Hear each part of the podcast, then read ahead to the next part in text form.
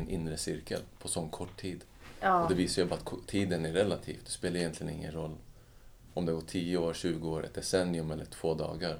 ja. Ibland behöver man bara hitta varandra för att bara, okej just det, den där skuggan jag alltid har sett i min inre värld, det egentligen har varit diamantis som så här, kommer fram ur skuggan om du förstår vad jag Mm, menar. oh, gud vad fint. Ja, så har det känts. Och så är det ju så att själen glömmer ju aldrig, tänker jag. Mm. Så det är klart att det spelar ingen roll om inte ni har umgåtts så himla mycket i det här fysiska nu, för att ni Just det. kommer ju ihåg varandra. Ni Exakt. känner ju varandra. Ja.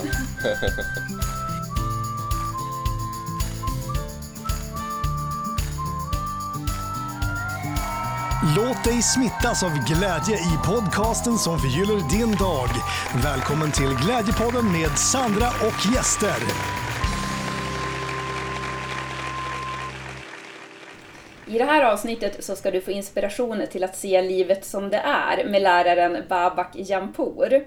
Han har gått flera Vipassana-kurser och Vipassana det innebär just att se saker och ting som de är. Och på de här kurserna då sitter man i meditation i 10 timmar per dag i 10 dagar. Och om du som jag tycker att det här känns lite hardcore så kommer du att få tips på hur man kan ta in det här mer ändå i sitt vardagsliv. Och eh, se saker som de är, så att man inte är fast i sitt egna fängelse. Det är ett jättefint avsnitt och eh, vi pratar också lite om ja, men själens resa och påminnelse om att själen alltid minns och att lita på det. Vill du ha mer glädje varje onsdag så prenumerera gärna på den här podden om du inte redan gör det. Vill du följa Glädjepodden via sociala medier så gör du det via Glädjefabriken och i poddbeskrivningen så hittar du mina kontaktuppgifter, du hittar Babaks eh, kontaktuppgifter till hans Instagram och eh, du hittar också kontaktuppgifter till det här eh, Vipassana-centret i Sverige om du blir peppad. Men nu så går vi in i nuet och ser saker och ting som de är. Välkommen till Glädjepodden Babak. Tack. Vad roligt att du är här. Mm. Du fick, eh, jag fick ett tips av Diamantis som har varit med i den här podden tidigare. Att du skulle passa bra in i Glädjepodden. Ja, det känns jättebra. Jag är glad över att vara här. Ja men vad härligt. Mm. Ja, vi har ju bara hunnit prata lite grann här innan men jag känner redan att han hade rätt. Mm. Att du passar bra Ja, in. fint. Och så pratade vi lite kort om er fina vänskap här också. Om ja, men hur det är när man träffar människor som man känner sedan tidigare. Mm. Precis. Eh, Och det här med själ och familj snackar vi om lite. Och, Ja, ja. Eh, det, det är fantastiskt. Och jag känner lite så med dig också, med det arbete som du gör. Eh, Och som jag sa till dig här innan, med Glädjefabriken och hela den intentionen som finns. ja, är något som jag, som jag delar. Och vi är, vi är många som delar den, så att säga. Så du, det känns det fantastiskt för mig att få, eh, få liksom träffa dig. Men också få veta att det här finns. Det visste jag Ja. inte sen innan. Liksom. ja. ja vad roligt. Jag fick veta att du finns också. Så. Ja, men jag ser jättemycket fram emot att samtala med dig. detsamma. jag tänkte att först så ska vi lära känna dig lite på sådana här sätt som vi vuxna oftast inte gör, Mm. lär känna varandra på. Så du ska få några snabba frågor nu. Får du gärna så här, svara lite Mm. kort bara. Eh, vad är det för stjärntecken? Stjär, eh, stjärntecken. Stenbock. Eh, vad är diamantis för någonting? Är ni... Jag vet inte vad han är för stjärntecken. Nej, okej. Men Ni känns ju lite lika i energin sådär. han, jag vet inte om du kan det här, men han, föd, han hade födelsedag för typ tre veckor sedan. Ehm, ja, då är han fisk. Ja, då är han fisk i så fall. Ja, Okej. okej. ja. Eh, har du någon idol? Ja, jag har flera. Eh, någon som lever nu. Ja, det, det, det är liksom i olika genrer. Typ så här, I musik har jag en. I liksom, och så vidare. Låt oss ta i musik. Manu Chao.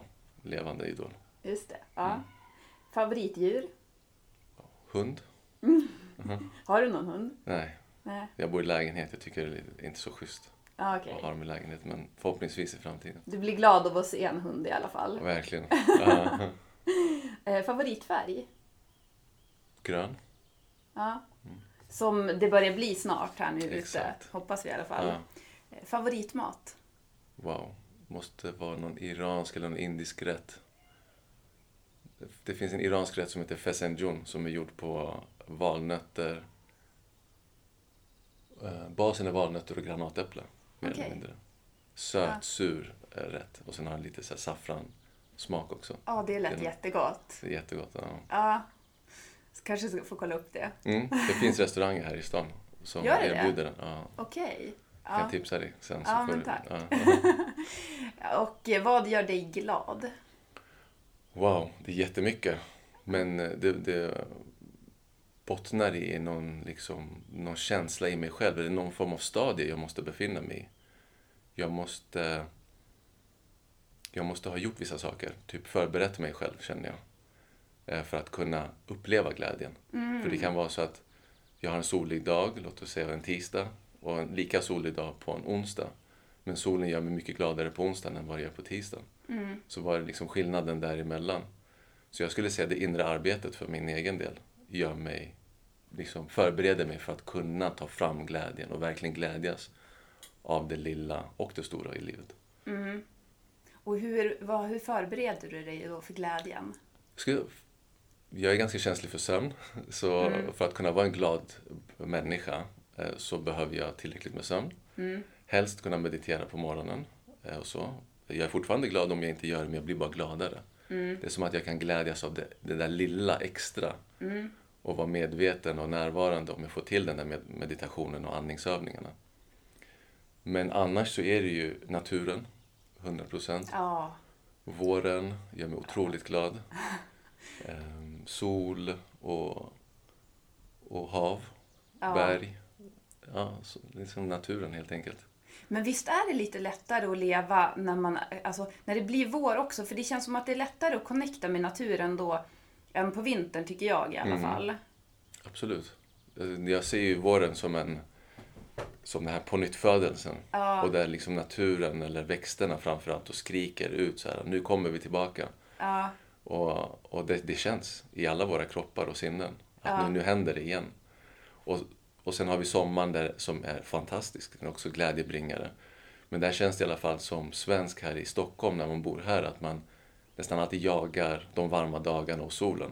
Mm. Det är lite mer åt stresshållet. Att Ja. nu, nu är sommaren bara tre månader och nu ska vi ut och ta vara på det bästa.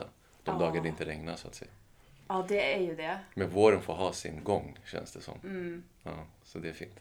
Och våren här i Stockholm är ju betydligt bättre än vad den är i Umeå. Ja, okej. Det finns inte så mycket vår Är där. det så? Är det från Vin- vinter till sommar? Ja, men lite så faktiskt. Mm. Men, ja. Jag har legat nu så här, för att jag är verkligen att jag känner att jag får så mycket liv från naturen. Mm. Så jag har legat i en snöhög med fötterna upp mot ett träd för att som få jorda mig. Mm. Eh, För att det är också så här, skogen som jag bor vid i Umeå, där får man inte gå för att alla skidåkare blir jätteförbannad om Mm. man går i I deras spår? Ja, precis. Okej. Så att eh, då går jag in som så här, ja men en liten bit bara in på stigen och så lägger jag mig i snöhögen med fötterna upp mot. Okej. Men jag, igår var jag och gick barfota här, nu när jag är i Stockholm. Ja. Så jag ser verkligen fram emot att ta in mera liv. Så, Ja, vad härligt.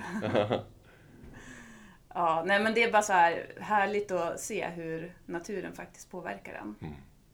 Och det gör den ju oavsett vi är medvetna om det eller inte. Ja, Så är vi, vi är en del av naturen. Så att, eh, det är väl det också, att- att försöka vara med. Något som gör mig glad är att kunna vara närvarande i nuet. ja, Det är där glädjen finns. Jag kan inte Ja. glädjas över... Jag kan glädjas över ett minne så att säga. Mm. Eller något som kanske ska komma i framtiden. Men den största glädjen skördar jag i nuet.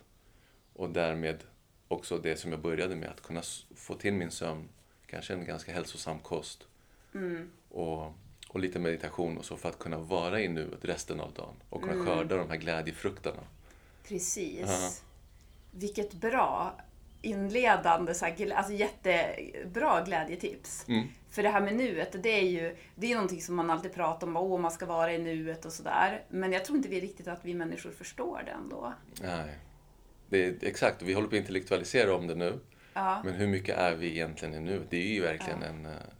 Jag ska inte säga en ansträngning, utan snarare när vi tar bort ansträngningarna ja, så hamnar vi i nuet. Kan vi ta bort alla, de här förväntningarna på oss själva Ja. och på tiden och på, på ålder. Och det, så här, jag fyller 40.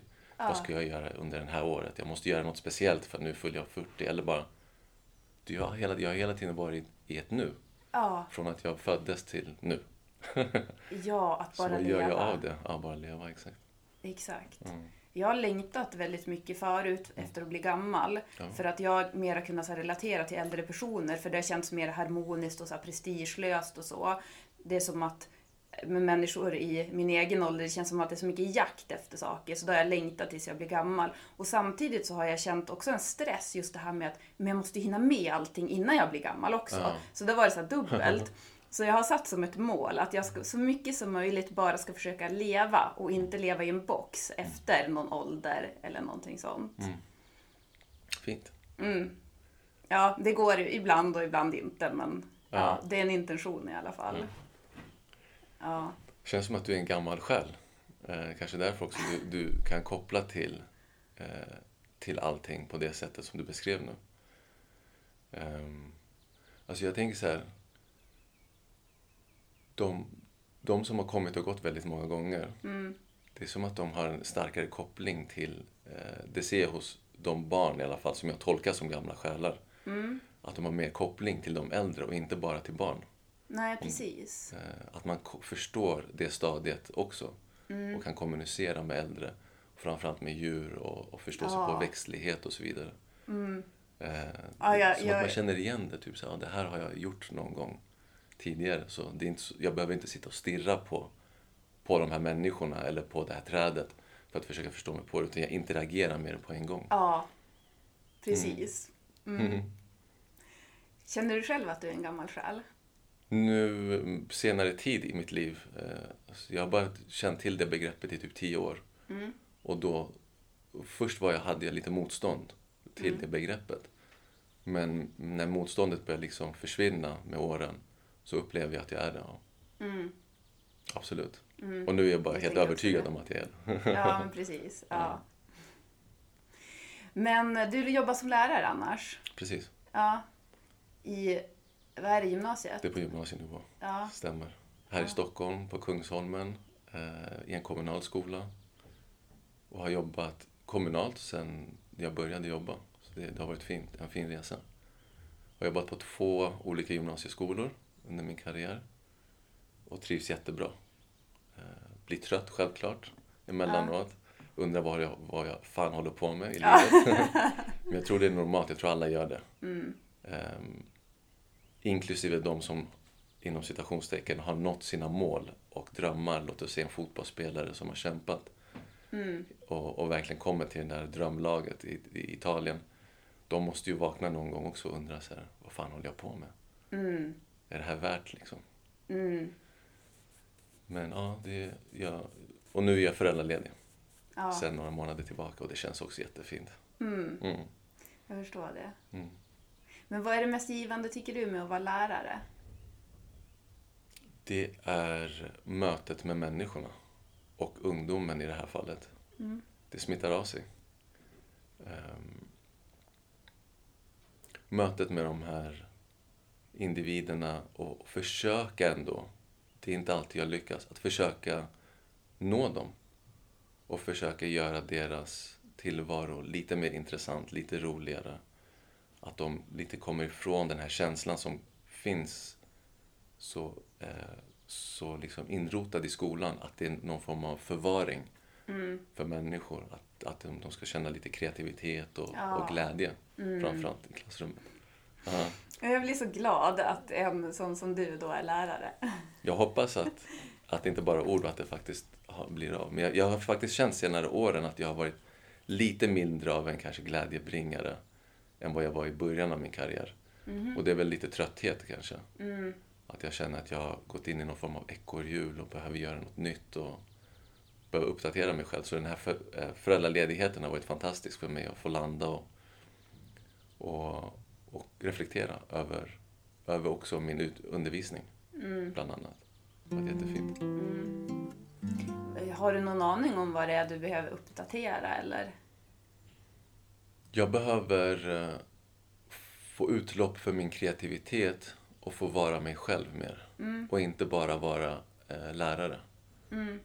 Ja, Och den delen av mig som måste få komma fram är bland annat det vi pratar om här och nu. Men Eh, Jag jobbar, eller jag är utbildad inom reiki eh, s- och, och jobbat lite med det tidigare.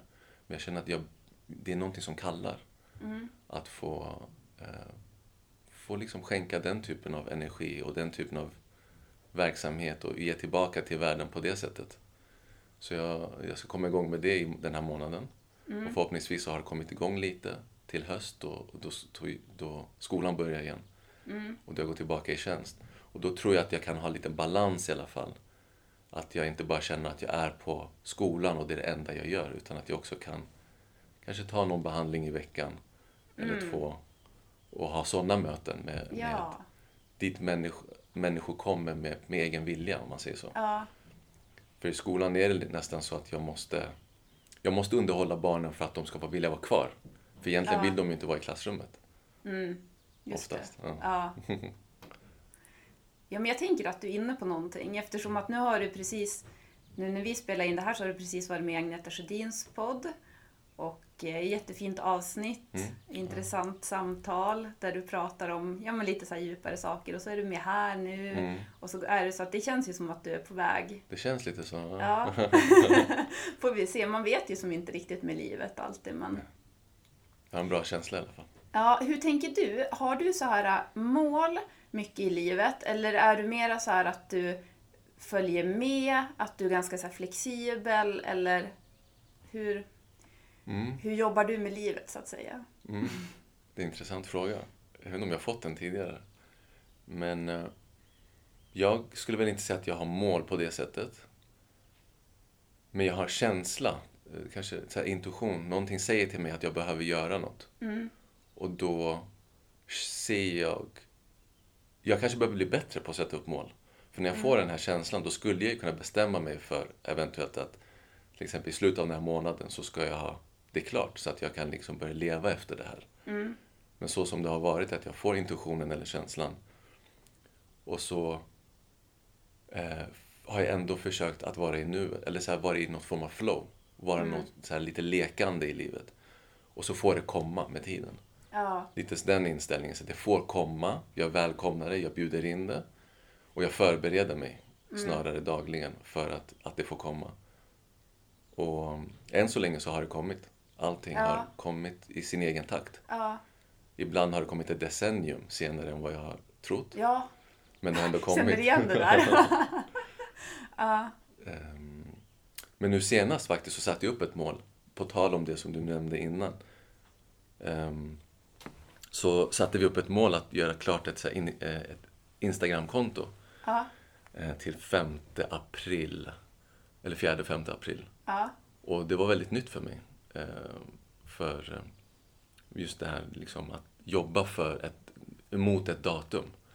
Annars sker det bara i årscykeln där på jobbet som lärare att jag måste rätta inför en viss liksom, tid, inom en viss tid eller vi har examinationer inom en viss tid. Då har vi de här specifika målen som är de yttre målen egentligen. Ja, Men det var egentligen första gången på länge då jag har ett inre mål och det, det var nytt helt enkelt.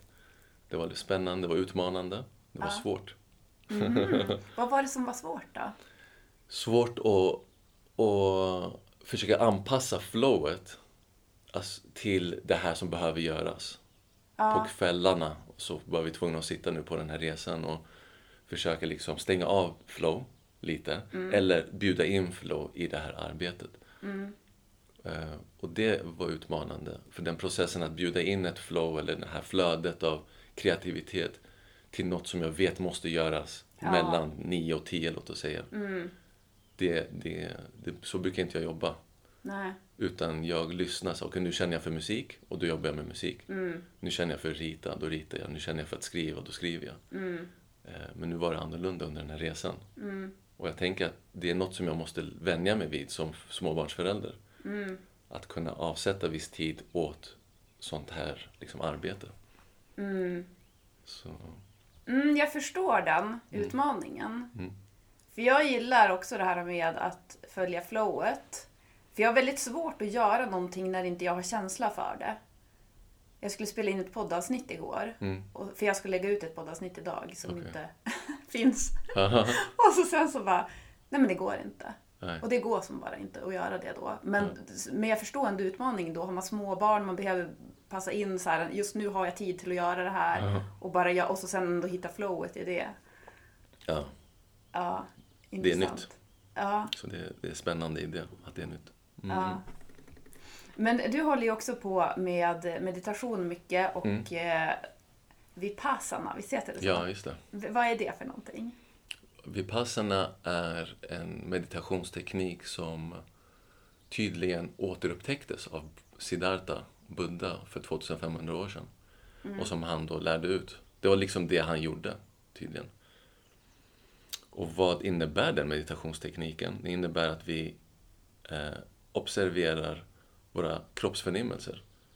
Man observerar allt man känner kroppsdel för kroppsdel, centimeter för centimeter, eller hela kroppen, om man nu kan det, samtidigt. Men helt, helt enkelt bli medveten om det som händer inom ramverket av kropp och sinne.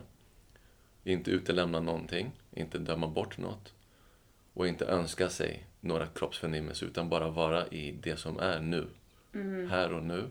Acceptera saker och ting som de är. Och det magiska i det hela, som jag förstått det och som jag upplevt det, att sitter man en längre tid, ägnar alltså medvetenhet åt de här kroppsförnimmelserna, även åt tankar självklart, eller man observerar att tankarna finns, Eh, man behöver inte liksom ge dem mat eller föda, då kommer så gamla tendenser, gamla sår, gamla trauman, ehm, de kommer till ytan och de liksom spelar upp sig som någon form av drama. Och då kan man återigen eh, liksom börja reagera. Antingen med eh, motvilja eller med begär beroende på vilket drama som utspelar sig.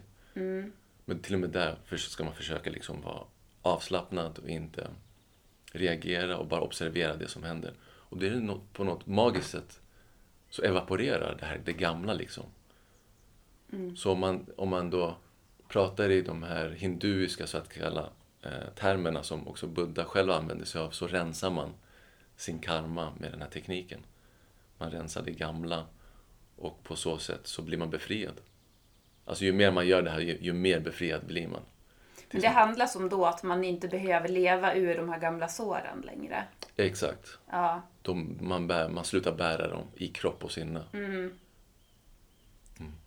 och det gör man under en period, eller hur? Visst är det så tio dagar man sitter och mediterar? Just det, så det är ju kurserna egentligen. Ja. Eh, nu har man ju anpassat det för oss householders, blir det på engelska. Vad blir vanliga människor som har liksom 9 till 5 jobb eller som inte munkar helt enkelt. Ja, Men vore man munk så skulle man ju sitta eh, mer eller mindre hela livet skulle jag tro. Men i alla fall många dagar, det är kanske några bara få, få dagar i månaden som man inte sitter i så här djupt meditation. Så de här kurserna är till för oss att lära oss tekniken, för att bli etablerade i tekniken. Och sen återkommer vi till kurserna för att eh, fördjupa oss. Som jag känner i alla fall, jag fördjupar mig för varje gång jag går dit och lär mig mer och mer av tekniken i sin helhet. Och så får jag göra arbetet hemma så gott det går. och hur, är det då att du lär dig mer för att du ska kunna som föra in det i ditt vardagsliv? Ja, precis. Delvis det. Eh, delvis också förstå mig på hur jag ska möta alla de här utmaningarna. Både i livet när jag inte sitter och blundar, men också utmaningarna i själva meditationen. Med vilken inställning, exakt vilken precision. För ibland kan jag tro att jag inte reagerar på en kroppsförnimmelse till exempel. Och sen har jag gjort det i ett helt år. Så kommer jag tillbaka till kursen i slutet av året och inser att nej, men jag har ju reagerat. Jag har reagerat på ett sätt som är väldigt subtilt. Och det här liksom finessen och den här precisionen i, i min egen meditation och i sättet jag möter livet känner jag att jag får väldigt mycket av de här kurserna. Jag lär mig mycket av mig själv på så sätt. Ja. Mm. För att jag, jag tänker så här, alltså jag är inne så nu i det här med att lämna gamla sår och sånt där. Det har jag jobbat med under många år, men jag tänker att det kanske hade kunnat gå snabbare med om man hade suttit på en sån där uh, vipassana. Eh, men det som jag håller på med nu, det är att skapa en ny verklighet. Att då när man vet att så här, när man har separerat sig från någonting, så man inte behöver gå in i det dramat. Det finns ju fortfarande kvar på något sätt, att det kommer upp. Men att det gäller då att hela tiden tala om för sig själv någonting nytt. Just det. Fattar du? Mm. Va, hur tänker du kring det, att skapa en ny verklighet? Det är jättefint. Jag tror på det där till en viss grad. Eh, Men jag tror också framförallt på att inte... Och det kanske har med... Det är bara så jag eh, gör och har gjort. Att jag inte har ett... Det är kopplat till det du frågade om tidigare, det här med mål. Att jag inte har ett, en specifik bild av hur jag vill att det igen, istället skulle vara. För då tänker jag att det blir så att jag har igen ett begär. Det kan, eller snarare så kan det lätt leda till att jag får ett begär efter den bilden eller efter det nya dramat som jag vill uppnå. Eller det nya Babak som jag vill liksom bli. Och det begäret kan ju, eller kan, det blir ofta så att det orsakar smärta och olycka inom mig. Istället för att bara låta det som är um, unfold. Eh, och förvånas över, wow, fanns det här inom mig liksom? Lite så. Eh, Det är, min, det är min, liksom, min inställning till det hela. Och försöka att vara i nuet, som sagt, observera det som händer och inte döma. Verkligen vara, en, vara en plats i mig själv där jag inte dömer varken åt det ena eller andra hållet. Eh, Och bara se, försöka se saker och ting som de är. Då får jag det mesta utav det. Wow, vad fint, vad glad jag blir. För det handlar ju inte, blir inte prestation eller någonting då heller att man ska uppnå sitt nya själv. Utan man kan bara vara den man är. Ja. Och det är väl det också egentligen som jag känner att tillåta mig att saker och ting bara får vara bra. Mm. Om man har varit van att det inte har varit så. För jag tror att det är jättemånga människor som är ja, men inte medveten om hur mycket man hela tiden är på sin vakt. Mm. För att man kanske har varit med om saker som har gjort att man är rädd att någonting ska hända eller att någon man ska bli sviken eller waiting for the other shoe to drop som man brukar säga på engelska. Mm. Så, och att då som att det blir, för mig känner jag som att jag behöver påminna mig själv om att bara, det är väl det du pratar om också egentligen, vara i nuet. Mm. Ja, Och inte försöka kontrollera och påverka det jag inte kan påverka. precis. Och jag, jag ser det också. Dels i mitt eget liv och dels runt omkring mig hur många av oss i vår li- liksom, omgivning som bär så mycket sår. Och vi inte tillåter oss själva att uppnå våra fulla potential eller få känna den där glädjen. Eller lyckan, eller ens tro att vi, vi, vi är värda den på grund av Ja, det vi har upplevt och det någon annan har liksom åsamkat oss. Oftast är det ju så. Och många gånger så har vi inte ens förstått att vi inte tror att vi är värda det. Vi Nej, förstår, det. har inte fattat att vi går omkring och tror att vi är ovärdiga för att det är som ett normaltillstånd. Exakt. exakt. Ja. Så det är det, när man då börjar bli medveten, att då blir det som att få påminna sig att okej. För det kan jag känna, jag lyssnade på en, eh, en munk, han gick bort ganska nyligen. Jag kommer inte, han heter Tishnash eller något sånt där, vet du vem det är? Svensk munk eller? Nej, indisk eller Aha, någonting. nej, jag känner inte igen. En meditation med honom. Mm. Och så, den var väldigt lugn så att han pratade inte så mycket utan det var mer andas in och andas ut. Mm. Och så sa han så här, this moment is wonderful. Mm. Och så bara tog jag in det där 100%. Och du vet känslan då bara, ja men det är ju det. Mm. Det är ju fantastiskt nu. Mm. Och då är man ju som så här verkligen i nuet och så blev det, slog det mig också hur många gånger jag inte är där. Hur många gånger jag inte tillåter saker och ting att bara vara fantastiskt. Ja. Och, och inte så för, alltså att det är fantastiskt på grund av att nu har jag åstadkommit det här eller nu har det här hänt eller någonting så. Utan att det bara är fantastiskt bara för att det är. Just det. Det är vid det här ständiga miraklet liksom. Jag är här, jag ser, jag har en kropp, den funkar av sig själv. Ja. Jag behöver inte säga till saker och ting att funka, de gör det liksom. Eh, och den här kontrollen som vi är vana vid att ha i våra liv. Då känner man bara att den kontrollen kanske inte är så viktig. Kan man så börja släppa den lite. Och låta saker och ting ha sin egen gång. Men så finns det en mening med att, eh, tänker jag för mig själv också, att, att ha något som heter kontroll. För ibland behöver vi ta kontroll över saker och ting. Och ibland behöver vi kanske släppa blicken på trädtopparna och fåglarna och kolla in i mobilen för att få vardagen att funka. Och då inte, alltså att man inte liksom slår sig själv på huvudet liksom och tänker så här, nu kommer jag ut från nuet och nu är jag inte lika så närvarande. För man, jag tänker att man kan ju vara närvarande oavsett vad man gör. Man måste inte alltid vara bortkopplad från teknologi och människor för att känna så här, nu är jag meditativt i ett nu, för att jag går runt i naturen. Självklart är det väldigt det är hjälpsamt att göra det, men man, man ska ju, jag tänker för mig själv, jag vill ju helst kunna vara närvarande i alla möten och alla situationer. Hur tänker du kring det här med att släppa taget? För det är ju mycket så prat om att släppa taget och släpper du bara taget så då händer allting och sådär. Och det kan ju bli en stress också, att så här, nu ska jag släppa taget. Ja. Hur tänker du kring det? Jag tänker det här intellektualiserandet kring de här sakerna. Eh, det är nästan som att vi knuter, kny, knyter knutar eller gör kroppen för oss själva ibland. För då tror vi att det bara ska vara så lätt bara för att vi upprepar det för oss själva eller för att vi hör det av någon. Utan för min egen del så har det här med släppa taget eh, egentligen blivit möjligt sen jag började praktisera just vipassana. Eh, för innan det så var, som ins, jag visste ju inte att jag höll kvar, liksom höll så mycket inom mig. Och både liksom kontroll och det ena det andra. Men det är först den här tekniken som har lärt mig att, att kunna vara i ett flow och släppa. Och det är den jag använder mig av i alla situationer där det blir svårt och där jag börjar hålla igen. Där jag börjar hålla och bli så här... Eh, vad blir det? Um, liksom så lite komprimerad i mitt kött, i mitt sinne och i min kropp. Då känner jag att nu, nu håller jag vid något. Och det är först när jag börjar återgå till liksom kroppssensationerna och känner var jag känner det någonstans som jag kan känna att jag, nu släpper jag det där taget. För innan det så var det ju det var som en liksom dans av att hela tiden hålla och sen släpptes det av sig själv och sen höll jag.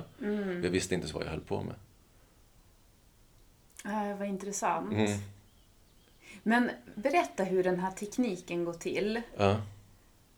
Ehm, så jag kan ju berätta om kursen Ja. ungefär så. Och, så den är på tio dagar. Sammanlagt är det ti, tio timmars meditation per dag. Så det blir hundra timmar på de här tio dagarna. Och här är ju tio timmar. Mm. Då sitter man tyst i... Ja, man sitter tyst och det är en tystnadskurs så, så att säga, eller tyst retreat samtidigt. För man eh, ska inte prata, man ska inte eh, utväxla några form av blickar med varandra. Kvinnor och män är separerade. Ehm, man får mat. Det är kostnadsfritt. Så det är gratis om man ser det. Man får vegetarisk mat, oftast vegansk. Mm. man får lära sig en teknik de första tre och en halv dagarna som heter anapanasati. Som är en andningsteknik kan man säga. Det är ingen andningsövning utan det är medvetenhet om andningen. Så man sitter, blundar och observerar sin andning. Hur den liksom kommer in i näsan och hur den går ut ur näsan. Och det här är, det här är tydligen för att vässa eller skärpa sinnet under de här tre dagarna. Och fjärde dagen så börjar man då med det som kallas för operationen, eller kirurgiska ingreppet i kroppen och i sinnet. Och då använder vi oss av vårt eget sinne, vår eget fokus, vår egen koncentration för att gå in i de här olika kroppsdelarna. Så vi börjar med toppen av hu- huvudet och sen bara långsamt, sakta går man ner kroppsdel för kroppsdel eh, och observerar det som är. Och, och för, försöker förhålla sig neutralt, försöker inte vara dömande på något sätt. Ehm, och det sysslar vi med då i sex och en halv dagar, fram, eller vad blir det, sex dagar, fram till den tionde dagen, då man egentligen fortsätter. Men så presenteras man den tio dagen, tionde dagen då, man får, då vi bryter tystnaden och man får börja prata med varandra. Eh, då presenteras man för en tredje meditationsteknik som heter Metabhavana, eh, som kan översättas till medkännande kärlek. Och då, då handlar det inte längre om att observera känslorna, utan då ska man liksom, det är nästan som att man eh, reciterar mantran för sig själv i sitt sinne. Och mantran är typ att jag önskar alla varelser lycka, jag önskar mig själv lycka, jag önskar glädje för alla och mig själv glädje och så vidare.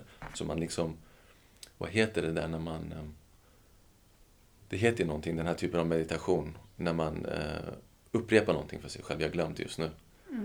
Eh, och, det, det, och sen när man kommer hem då efter de här tio dagarna, då är tanken att man ska fortsätta med det här. Och att det inte bara är en, upp, liksom en upplevelse på tio dagar utan att man helst ska sitta en session på morgonen och en på kvällen för att liksom bibehålla, bibehålla det här flowet av, och det här arbetet egentligen som det är. Det är ju ändå ett inre arbete som man ägnar sig åt. Ehm, så ungefär så, jag hoppas jag svarade på frågan. Eh, hur, vad den här meditationstekniken eller kurserna eh, Ja. ämnar åt. Jag blir ju givetvis peppad men samtidigt så har jag så här jättesvårt att se mig själv sitta tio timmar per dag i tio dagar. Vilken utmaning alltså. Ja. Och så blir jag nu bara så här, men Babak, hur gör man det här? kan du inte ge en light-version till oss? Som... Eh, Du tänker hur man gör det rent light-version, Ja, hur meditationstekniken funkar eller? Nej, men jag tänker som så här, om nu jag och eh, vi alla som lyssnar här nu vill testa lite, men man Ah, kanske inte vill jag gå fattar. på en sån där eh, kurs. Ja. Eh, Eller vill och vill, man kanske inte har möjlighet. Eller, Ja, det är väl det som kanske är svårast, att få till 11-12 dagar. Mm. Kunna ta en paus från familjeliv, jobb eller vad det nu är. Liksom. Mm. Men eh, vill att vi kör en, en kort... Alltså det är jättesvårt på ett sätt att köra hela kroppen. Eh, men vi kan köra om du vill. Men vadå, jaha, tänker du då att vi kör det nu? Alltså jag vet inte vad du... Jag, jag, jag trodde det var det du Ja, upp, ja men det kan vi göra. Nej, jag tänkte så här, alltså hur man kan som få in det här och göra det på ett lätt sätt hemma och så. Ah, okej, men vi kan men- gärna göra nu om du vill. Ehm, Eller vi om kanske du vill vi kan berätta. börja... Ja, jag kan berätta. Ja. Jag skulle vilja säga... Det gäller att blunda för min egen del. För det blir svårt att fokusera på liksom, sig själv om man har ögonen öppna. Så blunda, sitt still. Och att sitta still är, är väldigt viktigt. Men samtidigt inte, att, att vi inte dömer oss själva om vi liksom rycker till lite. För att det liksom ligger i vår någonstans natur att reagera på sensationer. Så kliar det lite så kanske jag kliar och så kommer jag på mig själv. Just det, jag skulle sitta still. Så bara liksom le inombords. Okej, jag, jag gjorde det. Fortsätt. Fortsätt vara glad egentligen. För det är ju med Men den hur här sitter glädjen. man då? Är det någon särskild ställning eller? hur Egentligen inte. Mm. Så länge vi sit, man sitter med upprätt rygg och Mm. eh, rak liksom, nacke. Eh, jag upplever att jag kan sitta längre på golvet i sån här halvlotusställning än vad jag kan göra på, på en stol. Mm. Men eh, vilken som helst, det som är bekvämt. Viktigt att vara bekväm egentligen. Mm. Försök sitta still och eh, slut ögonen och börja observera kroppen. Mm. Och ta det bit, steg för steg, ta det bit för bit. Försök känna hur tårna, om man börjar nerifrån, hur känns stortån? Höger stortå till exempel, vi börjar så. Och sen hur känns nästa tå? Och till en början så blir det svårt kanske att få kontakt med alla kroppsdelar. Då får man nöja sig med att säga, okay, nu känner jag lite av stortån och då går man vidare. Så att man inte fastnar på stortån. Jag måste känna hela stortån, jag måste känna nagelbandet, jag måste känna nageln och så vidare. Nej gud. Så bara, bara nöja sig med i början, så här, okay, nu är det stortån där. Eller jag kanske nöjer mig med att alla tår, jag kan känna alla tår, okej bra. Då går vi till fotsulan. Känner jag fotsulan? Ja, bra, vidare. Och så vidare. Och så bara gå upp för ankeln, gå upp för vaden, smalbenet. Göra höger ben i lugn och ro. Så det gäller att ha tålamod, det gäller också att ha tid. För om jag känner så här, jag har tio minuter på mig nu och jag ska sitta och meditera och göra en vipassana, det kommer inte funka. För jag behöver åtminstone, personligen känner jag att jag behöver åtminstone gått ett varv från topp till tå. Eller från topp, eller från tå till topp. Och jag, eh, för har jag bara tio minuter, då skulle jag föreslå att man sitter och observerar andningen. Och det jag gör då, eller det meditationstekniken bjuder in till är att, att återigen sitta med upprätt rygg, blunda och observera hur andetaget känns när den kommer in i näsan. Hur det känns i båda näsborrarna om man nu får kontakt med luften i båda näsborrar. Och bara följa med och sen blir det en paus oftast. Och sen följa med andetaget ut i näsan. Så någonstans blir näsan våran bas där vi åt hela tiden kommer tillbaka till med vår fokus. För nu har- personligen kan jag känna att när jag har gjort det här, framförallt på en kurs, första dagen, när jag gjort det efter fem, sex, sju timmar och sitter och blundar och det är kolsvart, kan jag känna mig lite vilsen. Så här, vad, vad, är, typ, vad är jag? Vad håller jag på med? Just det. Jag är i min näsa. Jag ska observera min andning. Och det är inget mer jag behöver göra. Jag behöver inte tänka på morgondagen, jag behöver inte tänka på vad jag ska göra efter den här sessionen. För det enda jag ska göra är att fortsätta sitta och andas. Men i vardagslivet så kan det vara svårt att, att sitta och göra det här. För då börjar, så fort man slappnar av ofta så börjar man ju tänka på det som man ska göra. Eller det man har gjort. Man börjar utvärdera. Så jag, jag, det enda jag kan säga är att döm inte dig själv när, du när det där väl händer, för det är helt naturligt. Försök bara återgå till andningen. Försök återgå till hur luften känns i näsan. Och sätt typ 10 minuter, en kvart, fem minuter. Gör det. Jag tror att det är viktigt att vi känner oss stolta över oss själva. Sätter vi upp ett så kallat mål att nu ska jag göra det här i 10 minuter, det är jättesvårt för mig. När jag är klar, var stolt. Mm, verkligen. gjorde det. För jag tror att det är svårt för många att sitta tio minuter. Det var det för mig. Innan jag satt 100 minuter så var det jättesvårt att sitta ens 10 minuter. Men hur kom det sig att du for på din första sån där vipassana? Jag var jätte... Det var mycket som hände under ett helt läsår. Eller inte läsår. Du ser läraren inom mig pratar. Ja. Eller ett kalenderår var det. Ja. Eh, alltså i princip från start till slutet av det året så var det otroligt intensivt. Det var uppbrott med, med, med väldigt nära vänner. Det var en av mina bästa vänner som dog i en eh, trafikolycka. Etc. etc. Det var mycket uppbrott helt enkelt. Jag kände mig otroligt splittrad. Jag ville, medit- jag ville meditera. Jag kände ett, eh, liksom en dragning till det. Men jag visste inte hur jag skulle kunna sitta mer än 10 minuter. Så jag hade gått en um, massageutbildning på sommaren och tänkte att jag ska åka till Indien, ta tjänstledigt och åka dit och massera och jobba med det.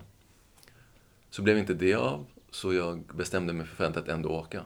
För jag hade fått tjänstledighet, åker dit, fördjupar mig i reiki eh, och blir också bjuden av min reiki-lärare att gå sista steget. Och känner mig liksom... Jag känner mig glad över det, för jag tänkte att det här kanske kan hjälpa mig och lätta på frustrationen. Och få mig att komma i kontakt med mig själv. Vilket det gjorde till en viss del. Men vad den snarare gjorde är att den vägledde mig till, från södra Span, eh, Spanien var det inte, utan det var södra Indien, till norra Indien. Eh, så tog jag mig dit och insåg bara så här, det här är bara en vägledning. Jag är fortfarande lika frustrerad. Jag har inte skalat av ett enda lager av, låt oss säga besvikelse, sorg, eh, ilska eh, och så vidare. Utan det, allt det där ligger ju kvar. Eller förvirring, eller självhat och så vidare. Allt det där ligger kvar. Och då hade jag också blivit eh, rekommenderad av min syster bland annat att gå en sån här Vipassana-kurs och förstått lite, väldigt lite av vad det egentligen innebar. Men jag hade i alla fall förstått att jag kommer sitta i hundra timmar och att jag eventuellt kommer lära mig meditera efter det. Eller under, under tiden. Så jag sökte till en sån kurs och av någon fantastisk liksom, anledning så fick jag plats dagen efter. Det brukar vara enorma så här, vänt, väntetider på de här kurserna. Men to be. Det, var, det kändes verkligen så. Så två dagar efter, eller tre dagar efter jag hade ansökt så, så satt jag där i tystnad eh, och bara kände på en gång, det är exakt här jag ska vara. Det är därför jag kom till Indien. För att göra det där förarbetet den där månaden i södra Indien och sen komma hit till början av Himalaya, liksom bergskedjan. Kunde se de här fina, för där är fortfarande grönt i början. Fanns inga vita toppar med, så här, med apor och, och, och papegojor och alla möjliga djur som liksom som dansar och, och leker utanför och bara exakt här jag ska vara. Och det var en fantastisk tid för mig. De här tio dagarna. Ja, wow. Men var det inte jobbigt då på något sätt att sitta där? Inte den kursen och inte där och då. Då var det en befrielse. Och nu talar jag... Och jag förstår att det var så just för mig. På grund av allt jag hade gått igenom. På grund av det behovet av stillhet. Av insikt eller inre arbete som jag hade. Ehm, jag var så frustrerad om, om att jag kunde vakna på morgonen. Alltså så fem på morgonen. Och bara så tankarna gick igång. och kunde få ångest typ, av, av mina tankar. Och så. Eh, så att vakna fyra på morgonen, som man gör på den här kursen, var för mig så här, yes, nu är inte jag ensam om att vakna tidigt. Nu gör jag det tillsammans med andra. Och det finns en mening med att vakna så tidigt. För nu, behöver, nu går jag in i meditationssalen och jag lär mig meditera, eller jag fortsätter meditera. Så det fanns en plats för mig helt plötsligt i den här liksom förvirringen som jag befann mig i. I vilken jag kunde skala av de här lagren eh, och uppleva vad det var jag hade burit.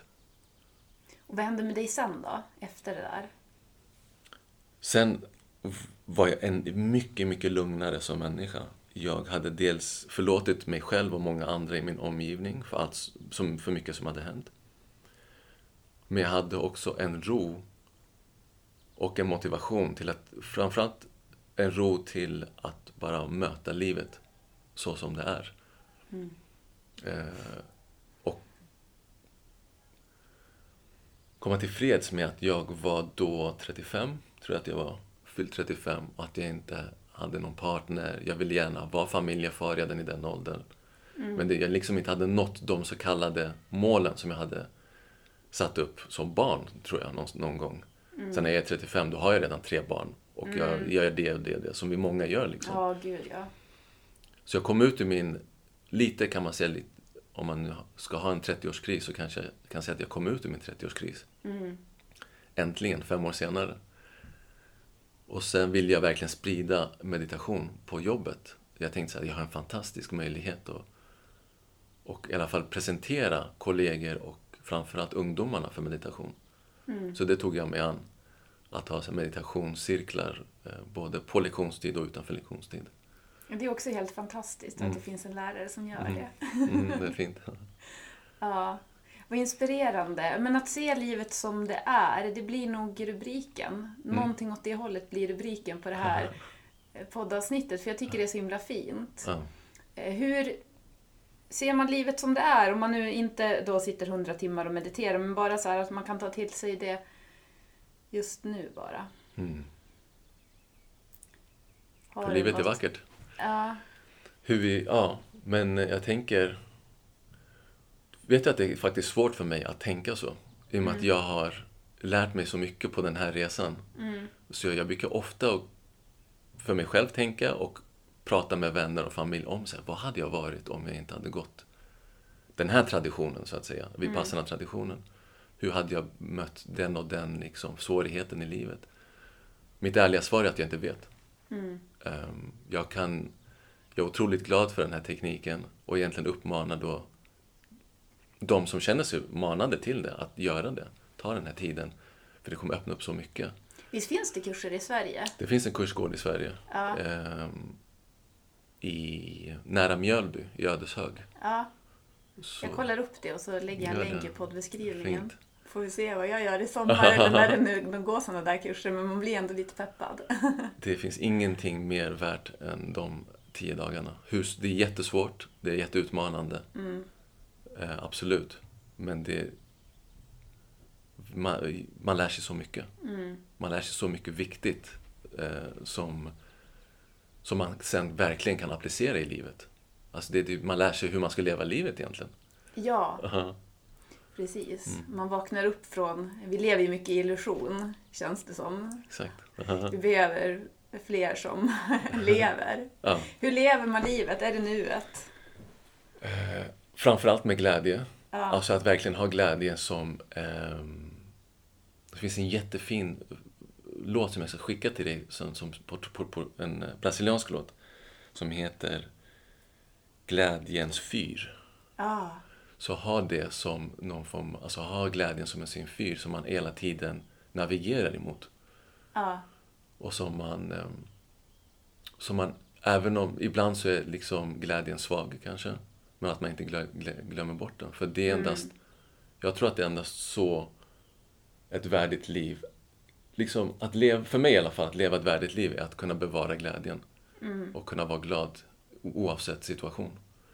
Men när situationen sen liksom kallar mig till sorg, att inte känna att jag liksom lämnar glädjen utan att bara så här, jag kan ha kvar glädjen eller kunna vara glad över att jag kan känna sorg. Eller glad över att jag i alla fall känner något som är tungt. Och så vidare. Men glädje, absolut. Strävan. Om jag har ett mål så är det väl lycka. Så att kunna ha en strävan och ett mål eh, att uppnå lycka och ha den som liksom något bestående tillstånd. Och då inser jag att det inte bara är en, liksom, ett mål som jag behöver intellektualisera kring utan jag måste jobba för att få vara lycklig. För att få uppleva lyckan. Då måste jag ta hand om mitt tempel. Jag måste ta hand om min kropp alltså. Jag måste ta hand om min omgivning. Jag kan inte strunta i min familj. Om jag nu är helt fokuserad på mig själv så kan jag inte strunta i mitt barn och min familj och min omgivning. Utan det gäller att kunna ge lika mycket som jag ger till mig själv, om än mer utåt. Och då tror jag att lyckan på något sätt, att vi skör, det är, det är någon mystisk naturlag som ger oss glädje och lycka när vi gör arbetet. Ja. Du, jag fick en jättefin vision igår. Då såg jag framför mig en värld som var helt grå och helt vissen. Och i den här världen så såg jag en liten rosa blomma. Och det här var så här, ibland är det så svårt att förklara saker med ord när man får till sig någonting sådär. Men jag, jag försöker ändå. För jag jag. tänker också att det är lite relaterat till det, det du har pratat om nu, det här med lyckan. Men då var det som i alla fall så här att jag såg framför mig så här just det här med hur viktigt det är och särskilt i den tiden som vi lever i nu att fokusera då på den här blomman, på kärleken och våga tro på det. Våga tro på det som är bra. För det är just det där som jag var inne på tidigare också att man kanske är van med, man har haft upplevelser som har visat på någonting annat. Eh, Men våga då tro på på det och lägga allt sitt fokus på det så mycket som man bara kan. Och då såg jag som hur det bara, alltså hela den där världen bara blev färg och hur blommorna började slå ut runt omkring och sådär. Jättefint. Jag vet, det var verkligen. Det Fantastiskt. var en härlig upplevelse. Jag tänker att den, den delar vi. För jag, det jag såg också då var så att om jag fokuserar på den blomman som jag ser i min värld och så börjar min värld att slå ut och börja bli mera färg. Eh, då kommer ju det också göra att när jag möter en annan person så en, alltså en levande person smittar ju andra och så sen så kan det väckas att den ser den där lilla rosa blomman Mm. helt plötsligt mitt i den där grå världen och så börjar den och så, du vet, så helt plötsligt har vi en sån där Ja. färgglad värld. Kärleksfull värld. Och, Ja, och med medkännande och medmänsklighet och Ja, så vidare. Jätte, Verkligen. jättefin vision. Ja, Men jag delar den med dig. Absolut. För Mm. ibland känns verkligen världen så grå. Och man känner sig så ensam ibland. ja, och man Eh. tappar hoppet och Ja. ja. Men det, den där rosa blomman finns inom oss allihop. Ja, det gäller, och så gäller det att tro på den. Ja. Det, är det, som, så här, det var det jag fick så himla starkt i den här visionen. Verkligen att lita på intuitionen. Vi Mm. litar på det som man vet. För det var som vi var inne på också. Undrar om vi ens fick med det i det här avsnittet. Men jag säger i alla fall då till ni som lyssnar. Men vi var inne på det här med eh, dig och Diamantis och hur ni kände vara, igen varandra för ni eh, själskompisar. Ja, sådär. ja. Men att det är som att ibland så är det som att hjärnan, eller att vi, själen minns, men hjärnan, den försöker vara logisk. Och det är samma sak med det här med att jag tror ju att själen minns att det är meningen att vi ska leva i kärlek och inte att vi ska leva i rädsla. Just och att det. det är det vi behöver som plocka fram. Ja, jättefint. Ja, men jag, jag, jag, jag håller med dig. Jag tror också det. Och det är fint också att kunna säga att man tror. Och att man inte... På något sätt så kan vi veta för oss själva. Jag kan verkligen känna det så starkt. Att jag bara, nu vet jag att det här är så. Ja, Men hur vet jag att det är så för alla? mm, precis. Så jag, då kan jag bara säga att jag tror att det är så egentligen för alla själar. Ja. För att det är så för mig. Eh, och för min del som har kommit från en, en, liksom en, eh, en familj där man inte alls har pratat om själ och Gud eller liksom så. Bara varit, om det har varit fokus på något så har det varit naturen och människor och medmänsklighet. Jag känner mig otroligt glad dels för att jag inte blivit liksom indoktrinerad till att tänka om, kring andlighet på ett speciellt sätt. Så jag har fått upple- upptäcka andligheten på egen hand.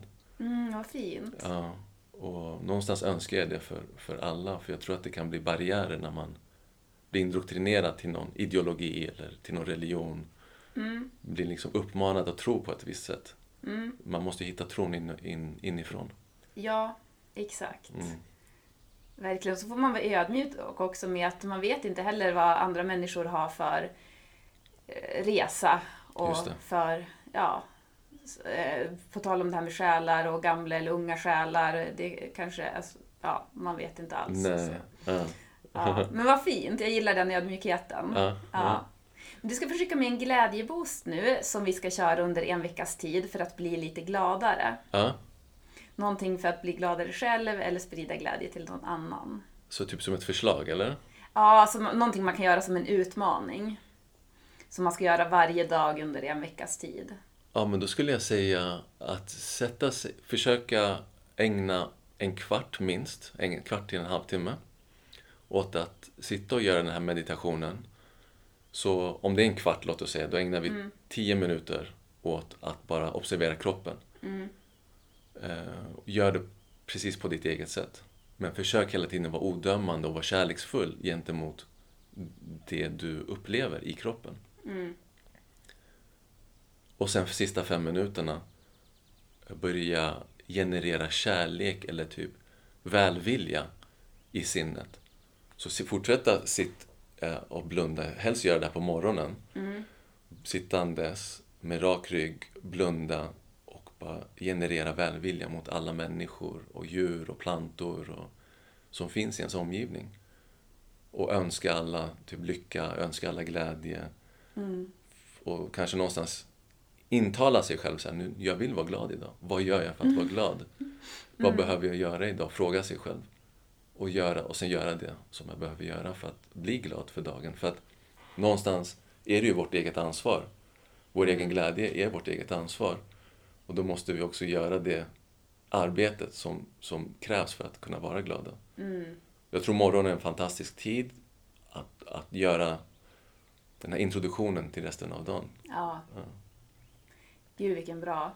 Mm. Varje morgon nu en veckas tid, åtminstone en kvart, så sitter vi och känner in. Mm. Och sen önskar vi väl. Och jag älskar att du sa också det här med planter, att så här emot för allting. Ja, Ja, vad fint. Ja. Och även svamparna. Glömma det riket. Svamparna också. Ja. och alla djuren. Ja, verkligen. Ja. ja, men du tack så jättemycket. Tack själv Sandra. Har du någonting du vill tillägga innan vi säger tack och hej? Att jag är vä- väldigt glad över det här mötet. Eh, och att jag känner, som jag sa i början innan poddavsnittet, att jag, det kanske jag sa under poddavsnittet också. Jag känner mig väldigt glad över Diamantis rekommendation för att få komma och träffa dig framförallt. Men också få prata om det som är mig eh, liksom nära mitt hjärta. Ja. Eh, och få sprida det. ja, du ska ju mer in på den banan nu. Ja. Mm. Och du har en Instagram nu ja, som man kan följa. Den lägger vi i poddbeskrivningen. jättefint. Mm. Ja. Mm. ja, men tack så mycket. Då går vi ut nu i livet och accepterar det precis som det är.